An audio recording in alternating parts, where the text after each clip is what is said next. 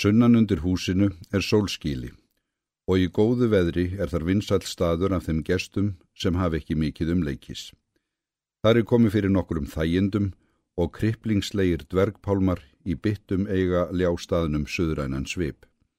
En þegar lengra og herri er litið blasir jökullin við augum og minnir á nattstöðina. Þrátt verið kuldalega ásjónuna á hann það til að sínast mildur og svip og þegar síðdegi sólinn vefur hann örmum getur hann vist svo upphafinn að horfandin væntir þess að sjá hann stíga upp af undirstöðu sinni og leysast upp í bláma híminsins. Það er fáment þar að þessu sinni, þrátt fyrir góða veðrið. Tvær rosknar konur sitja þar hlið við hlið á bekk. Önnur er erð og frískleg í útliti og dunda sér við að sauma í dúg, en gáir þessum leið að láta ekkert fram hjá sér fara af því sem kann að gerast innan sjónmáls og heyrnar. Hinn gamla konan prjónar sokkból úr grófu grottabandi. Prjónarnir tefa með lágum klið í höndum hennar án þess lát verði á. Augu hennar stara beint fram eins og hún blíni og eitthvað í fjarska. En starfsíni hennar er blekking því hún er blind og sér ekki lengur annað en það sem er innra með henni sjálfri. Grátt og þund hárið er aftursleikt, andlitið beinabert og drættir þess kvassir. Úti við grindurnar likur Þorlákur bankastjóri í lágum gardstól svo aftursvegðum að bunguvaksin miðja hans nýtur sín vel. Hann les fjármálatíðindi en jafnvel svo æsileg lesning getur ekki dölið þá augljósu staðreind að honum leiðist. Ólafíja kona hans setur háleit við hlið hans með upphafningarsvip á andlitinu. Hún er á því lífskeiði sem naumast verður tímasett upp á ár og dag en nokkur slitur á væsku sinni varðveitur hún þó enn og annast þau af augljósri alúð. Svo ásamt fáuðum virðuleik hlítur hún að teljast glæsileg kona. Innar í horni sitja maður og kona við lítið borð og spila langkund til að stitta sér stundir. Samkomulægið vitnar ótvírætt að þau eru hjón. Hanna, þarna svegstu lit en þá einu sinni, segir konan. Hvað sveik ég núna? spyr maðurinn grandalus. Þetta er í þriðja eða fjörðasinn sem þú svíkur lít í dag, segir konan fastmælt. Þú veist að ég orði bátt með að sjá, segir maðurinn afsakandi. Hjartað er raukt en spaðin er svartur, staðhæfur konan. Hörnin á ég að þekja í sundur hjarta og spaða litblindur ofan í sjóðundebruna, segir maðurinn og finnst sér gert að ránt til. Það er ekkert að marka þetta spil, segir konan ákveðin Við byrjum upp á nýtt. Að byrja upp á nýtt? Ég var alveg að vinna. Það er hægur vand að vinna með því að hafa ránt við. Af hverju má ég aldrei vinna? Ég er búin að segja að við byrjum upp á nýtt. Hanna, þú átt að gefa. Konan treður spilunum í hendur mannsins. Hann stokkar þau og er lengi að því. Er skjálfendur og missir spil og spil á borðið. Ég get ekki að því gert þó þú fáir bara líjuri á hendina tautar hann og byrjar að gefa. Konan hyrðir spil sín, jafnharðan og þau losna við fingur mannsins. Guð, hvað þetta er stórkostlegt, andvarpar Ólafi að bankastjóra frú. Arr, heyrist í manni hennar á bakvið fjármálatíðindin. Ef ég ekki æfilega haldið því fram að fegurðin og guðdómurinn séu eitt, spyr frúin út í andrunsloftið. Arr, þegar sólinn skín svona á jökulinn er eins og hún sé að ljá honum vangi svo hann geta hafið sér til flugs á við guðdómsins, eldur hún áfram. En þá einu sinni rámt við gellur í konunni við spilaborðið. Ekki veit ég hvað gengur að þér í dagmaður. Já, þennan slag með réttu, segir maðurinn þrár. Ég held nú síður. Af hverju ekki? Það er ekki hægt að drepa drottningum með gósa, segir konan hróðu. En ég draf með kongi. Vist draf ég hana með kongi. Gósi er það, þú getur séð það sjálfur. Konan rekur spilin fast upp að andliti hans. Hvernig námaður að þekka þá að, segir maðurinn til að láta ekki alveg í minnipokan. Þeir eru nákvæmlega eins. Gósi er gósi og kongur er kongur. Þá það, segir maðurinn og viðurkennir villu sína. Vilt að við byrjum upp á nýtt einu sinn enn? Ég er búin að fá nóga spilamennsku í dag, segir konan.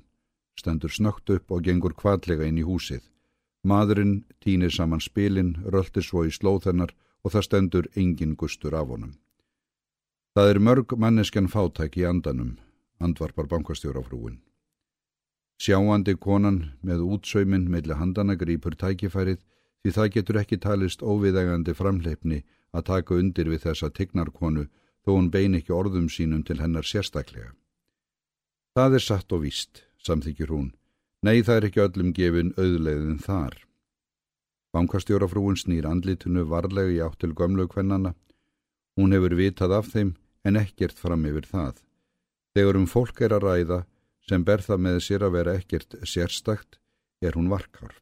En þessa stunduna hefur hún þörf fyrir viðmælendur en maðurinn hennar er í takmörkuðu viðræðuskapi svo það verður að taka það sem til fælst.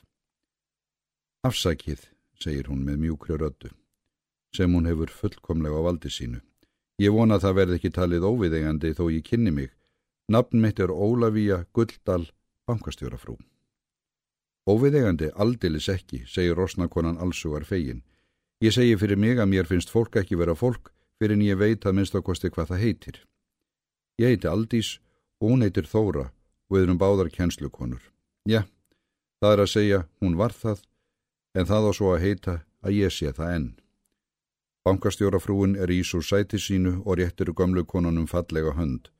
Það kostar nokkurt gauvan á taki á höndu blindu konunar því hún er fastheldin á prjónana sína og af skiljanlegum ástæðum fær hún ekki séð ytri tilgang þess að þreyfa á hönd ókunnugar mannesku. Og þetta er maðurinn minn, Þorlákur Gulldal, bankastjóri, segir frúin og bendir í átt til fjármálatíðindana. Orr, segir bankastjórin. Hvort ég hef heyrt ykkar getið, segir Aldís. Ég er nú hrætt um það, en aldrei hefur mig svo mikið sem dreymt fyrir því að kynnast ykkur.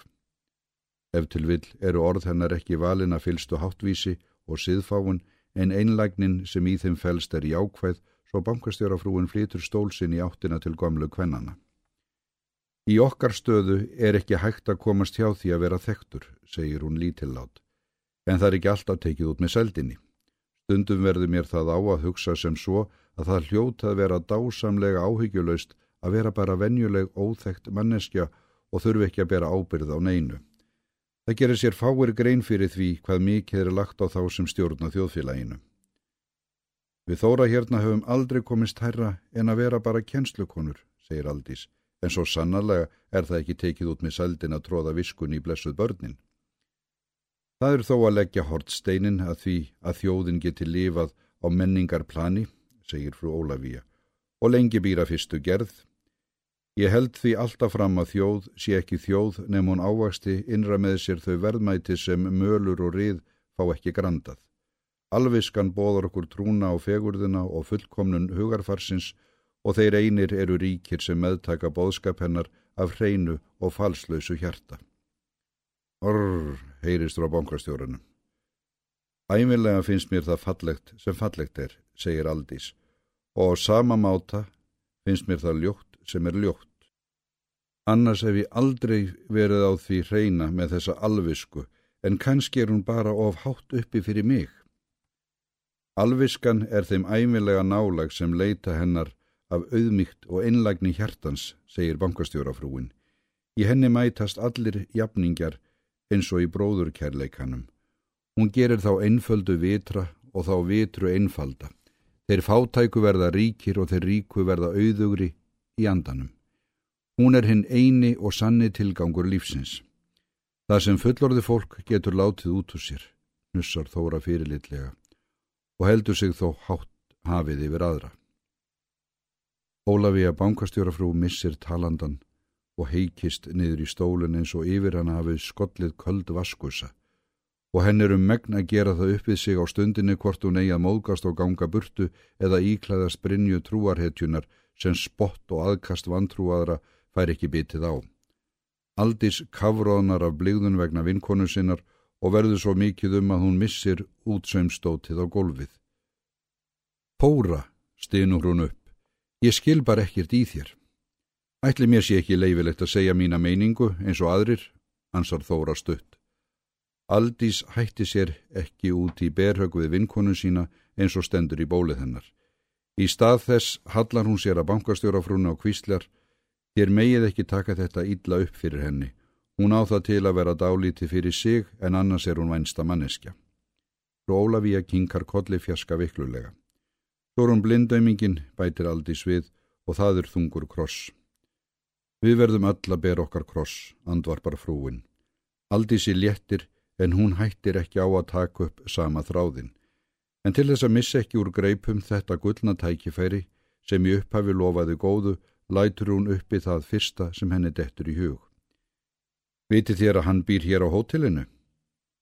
Við hvern eigi þér með leifi. Rött frúarinnar er enn fjarska óstyrk. Ég á við skáldið Eilíf Eilífs, hann dvelur hér núna. Frú Ólafi verður svo mikið um að hún tekur óhugsað viðbrað. Ég segið ekki. Ég get ekki sannara sagt, staðhæfir Aldís. Ég þekkti hann strax og ég sá hann að myndum auðvitað því ég hef ekki séð þann öðruvísi fyrir en núna. Nú og svo hafa mér líka sagt það, væri hann. Og þetta hefur engin orðað við mig, segir bankastjórafrúin og liggur við að nú sé henni fyrst misbóðið í alvöru. Við erum þó búin að vera hérna hjónin frá því í gerkvöldi. Við þóra erum búin að vera hérna í næstum viku, segir Aldís, og það er rétt, ég hef séð honum bregða fyrir. Nei, hann trana sér ekki fram. Hann er skáldið mitt, segir frá Ólafíja. Þá voru ljóðin hans sem opnuðu augum mín fyrir dásendum alviskunar. Þau eru svo indislega tær og fögur. Trúin á það fagra og háleita kemur bókstaflega upp í fangiðamanni við að lesa þau. Það þarf engin að óttast að rekast þar á neitt ljótt og anstyggilegt. Ég er ekki mikið fyrir þessi nýmáðuns ljóð, játar Aldís, en þau geta verið góð fyrir því. Það er sorglegt til þess að vita hvað mörg af okkar ungu skáldum eru farin að dyrka ljótleikan. Það er engu líkara en þau haldi hann það eina eftirsoknarverða í lífinu. Mér finnst ég verða óhreinum hendurnar á því að snerta bækurnar þeirra. Alltaf kann ég best við okkar gömlu og dauðu skáld, viður kennir Aldís. Ég get þó skilið þau og varðla taka þau upp á því úr þessu að verða öðruvís en þau voru. Þau voru auðvitað góð og gild á sínum tíma, segir bankastjórafrúin en ljóðið verður að laga sig eftir kröfum og þörfum tímans því annars ratar skáldið ekki að hjarta manneskjunar. Ég held því líka fram að það sé ekki nöðsynlegt að skilja skáldskap. Það er leindardómurinn á bakvið orðin sem liftir skáldskapnum upp á æðra veldi. Þetta óræð á dölarfulla sem hríslast um mann við lesturinn eins og snerting við sjálfa alviskuna. Langdreið orr heyrist frá bankastjórunum eins og hans sé sopnaður og farin að skera hrúta. Ég rakst á bók í vetur eftir eitt af þessum ungu skáldum sem margir hæla upp í hástert, tekst aldís að skjóta inn. Krakkarnir voru að stelast til að stauta sig fram úr henni í tímunum. Hún var blátt áfram hryllileg, blóð og eldur frá upphafi til enda fyrir utan það sem ég get alls ekki haft eftir. Þetta er andlegur sörlifnaður, segir frú Ólafíja. Hryllilegt að hugsa til þess að saklus börn skuli komast í svona bækur. Það er þó dálítið annað með fullorði fólk. Hún þóra hérna, þekkti einu sinni eilíf skáld, segir Aldís. Þekkti hann personulega? Rólæfiði geyslar af áhuga. Hún kendi honum í skóla, en þá var hann bara rétt ófermdur. Hann hefur auðvitað verið undra barn. Rúin beinir þessum orðum sínum til blindu konunar. Hm, ansar þóra þurrlega. Kanski var hann kvorki heimskur eða verri innrættur en gengur og gerist með stráka á hans aldri. Dyrnarinn í húsið opnast og nýr gestur bætist í hópin. Svo fyrirferða mikill að hann næstum fyllir út í dyrnar. Viðbröð hans eru þingslaleg eins og hann, hann þurfi að beita kröftum til að stjórna þeim. Hár hans er öskulitað og tekið að gísna svo það er ekki lengur hægt að gíska á upprunanlegan lites.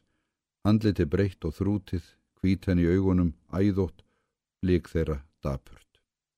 Maðurinn depplar augunum fram henni byrtuna um leið og hann býður góðan dag. Það rýmur í bankastjóranum því hann kannast við gerstinn en lætur hann annars hlutlausan. Gaman að sjá yfir hér Haraldur, segir frú Ólafíja uppveðruð þegar hún áttar sig á því hver komin er. Þér hljótið að vera alveg ný komin. Fyrir um um klukkutíma, hansar maðurinn, og frúin er auðvitað með. Já, það er meiningin að dvelja hér stuttan tíma, en gaman, Ég verð að fara strax og heilsa upp á hana. Það er orðið sinnsamlega langt síðan að við höfum sérst. Hún var þreytt eftir ferðalagi svo hún lagði sig, segir maðurinn. skiljanlega, þessar laungu bílferðir eru svo þreytandi eins og vegirnir eru. En þetta er friðsæl og góður staður, svo að það er mikið á sig leggjandi að skreppa hinga til kvíldar. Við höfum dvalið hér áður hjónin og æfinlega farið hérðan eins og nýjar manneskjur.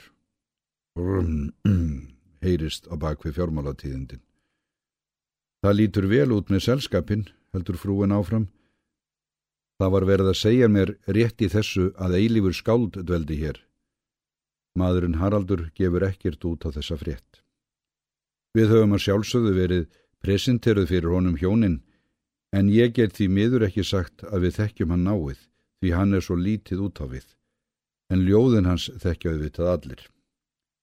Það sést hilla undir mann á gangstignum sem liggur yfir túnið heima sólskílinu. Aldís verður fyrst til að veita honum aðtegli. Hann er að koma, segir hún andstutt.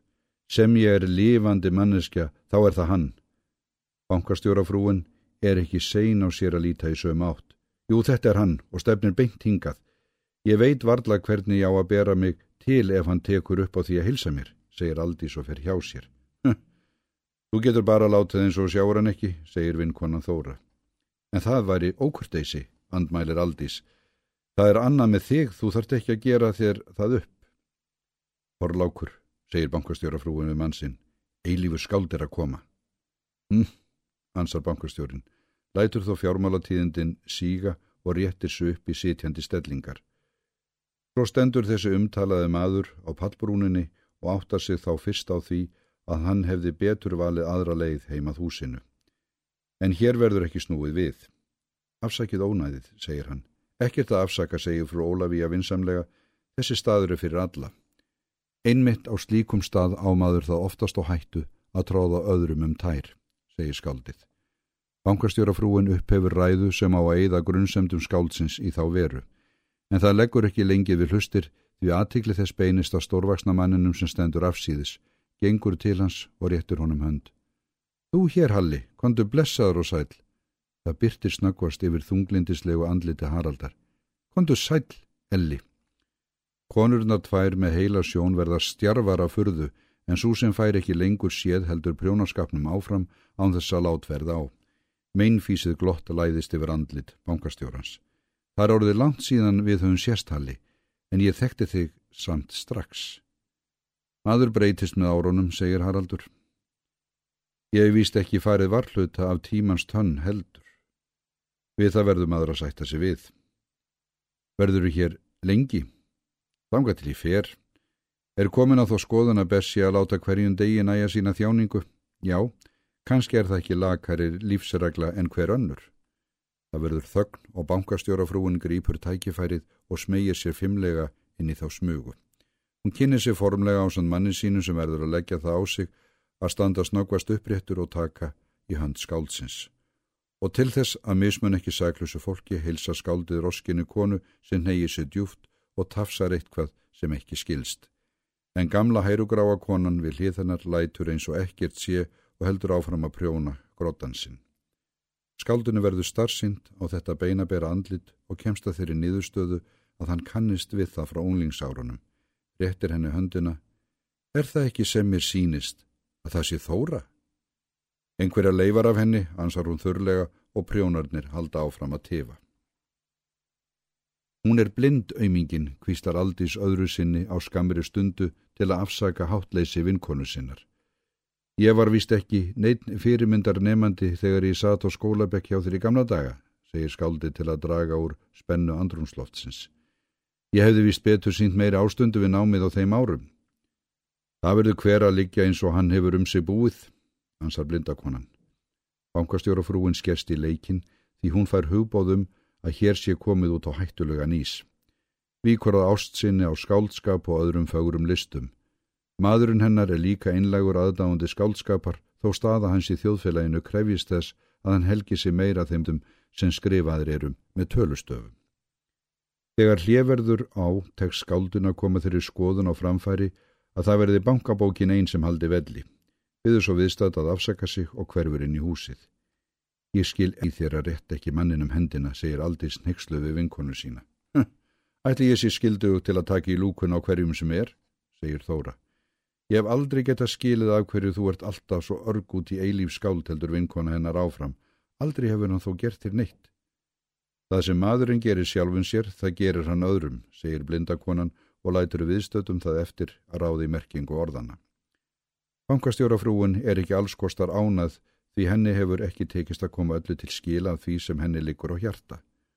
Og þér þekkið eilíf skáld, segir hún og snýsir á stóramanninum. Við vorum saman í bekk í barnaskóla ansar hann og horfir út yfir túnið. Hér eru honum þá nákunnugur? Nei, við áttum bara smái saman að sælda eins og gengur og gerist með strák á þeim aldri. Þér verðið að segja mér frá honum eins og hann var í þá daga, segir frúin ákafari. Það er þó á þeim aldri sem krókurinn beigist að því sem verða vill. Hann var bara einn af okkur strákurum að þeim árum, segir Haraldur. Svo snýr hann sér við og gengur inn í húsið, hægt og þingslalega, eins og hann óttist að síga niður úr gólfinu við hvert spór. Óskup er að sjá hvað honum Harald er afturfarið, segir frú Ólafíja þegar dyrnar lokast að baki hans. Ég heyri sagt að hann drekki, hvistar Aldís. Það er minna hefti mörg en því, segir frúin, ekki svo að skilja að þegar sjáu mikið á hannum ofinberlega. Hann er æfinlega svona eins og hann sést fjarska fáskiptin og það er eins og einhvert ógnar farg kvíli á honum. Nú, maður heyrir eitt og annað, en auðvitað má ekki taka mark á því öllu. Konan hans er sögð fjerska myndarleg, segir Aldís. Já, henn er óhætt að sína sig hver sem er þess vegna. En það er ekki útlitið eitt sem skapar manninskuna. Svo mikið er víst að það er ekki fyrir alla að búa með henni áslögu. Já, manni skilst að það sé ekki óblönduð heimilishamingja í því húsi. Hm, heyrist frá bankastjórunum. Hann hefur aftur leita skjóls bak við fjármálatíðindin. Þetta er bara það sem Guð og menn vita, segir kona hans því hún skilur tungumál mannsins. Ég er ekki vönd því að segja meir en ég get staði við og yfirleitt legg ég alls ekki trúnað á það sem ég heyri talað út í frá þó það geti verið satt. Maður skildi aldrei trúa því sem maður heyrir, samþykir aldís. Samt er það nú svo að það er oftast nær eitthvað til í því. Lindakonan stendur upp. Nú er ég búin að fá nóg í dag, segir hún. Ég get reyfa mig inn hjálparlust, bætur hún við. Þú ert ekki orðin nóg og kunnu hér enþá til að rata, segir vinkona hennar. Þetta er líka orðin heilmikil útivist hjá okkur í dag. Tvær gamlar konur hverfa inn í húsið og þegar dyrnar lokast að baki þeirra eru þær ekki lengur til. Ólafíja bankastjórafrú stendur ein eftir því það er naumast hægt að telja mannin hennar með falin á bakvið fjármálatíðindin. Það bregður fyrir sársaukafullum armaðu svip á andliti hennar og rauðir dílar spretta fram á kinnbeinunum. Hún býtur á vör, andartak og þegar hún opnar munnin er rött hennar eins og næðingur frá jökli. Þorlákur, hm, var ég ekki búin að segja þér að vera kurtis við mannin? Hm, hvað átt ég að gera meirinn að þreyfa á lúkun á honum? Þú gast þó sagt eitthvað þó ekki væri nema fyrir siðasækir. Ég er ekki vanur því að eða orðum á menn bara fyrir síðasækir. Ég vorða að fyrirgefa þér margt um dagana, Þorlakur, segir kona hans, en ég á það við þig að þú komir ekki fram við eilíf skáld eins og nafleysingja utan á götunu sem kemur til þín í bankan til að byggja um lán. Ég hef ekki hugsað mér að tróða honum um tæra meðan hann lætur mínar í fríði. Ég hef bara ekki túskilding með gati fyrir hann, það er allt og sund. Hann er skáld, meira að segja stórkoslegt skáld, Skaldum eins og honum eigum við að þakka að heimurinn lítur upp til okkar. Þetta er rumpu líður upp til hópa. Allir sem heimsækja okkur dásta því hvað þau eigum dýrt og stort bókasapn, segir frúin, og þar komin brestur í röttina. Það er ekki aðra bækur, rétt á sér en bankabækur, með fristu minnistæðum. Ef trúin á fegur lífsins er frá mér tekin á ég ekkert til að lifa fyrir, segir konan. Í ljóðum sínum er hann bóðberi fegurðarinnar og mannkærleikans. Við að lesa þau opnast mér æfinlega sín inn í sjálfa alviskuna. Þú mátt eiga þennan eilíf leirskáld í allskinni og gildan og kjöl upp á vegg fyrir mér, en fari hans eigin heilaga persóna nutta sér utan í mig, er ég ekki lengur með á nótunum. Það mega aðrir prísa líðræði að því tægi í minn stað.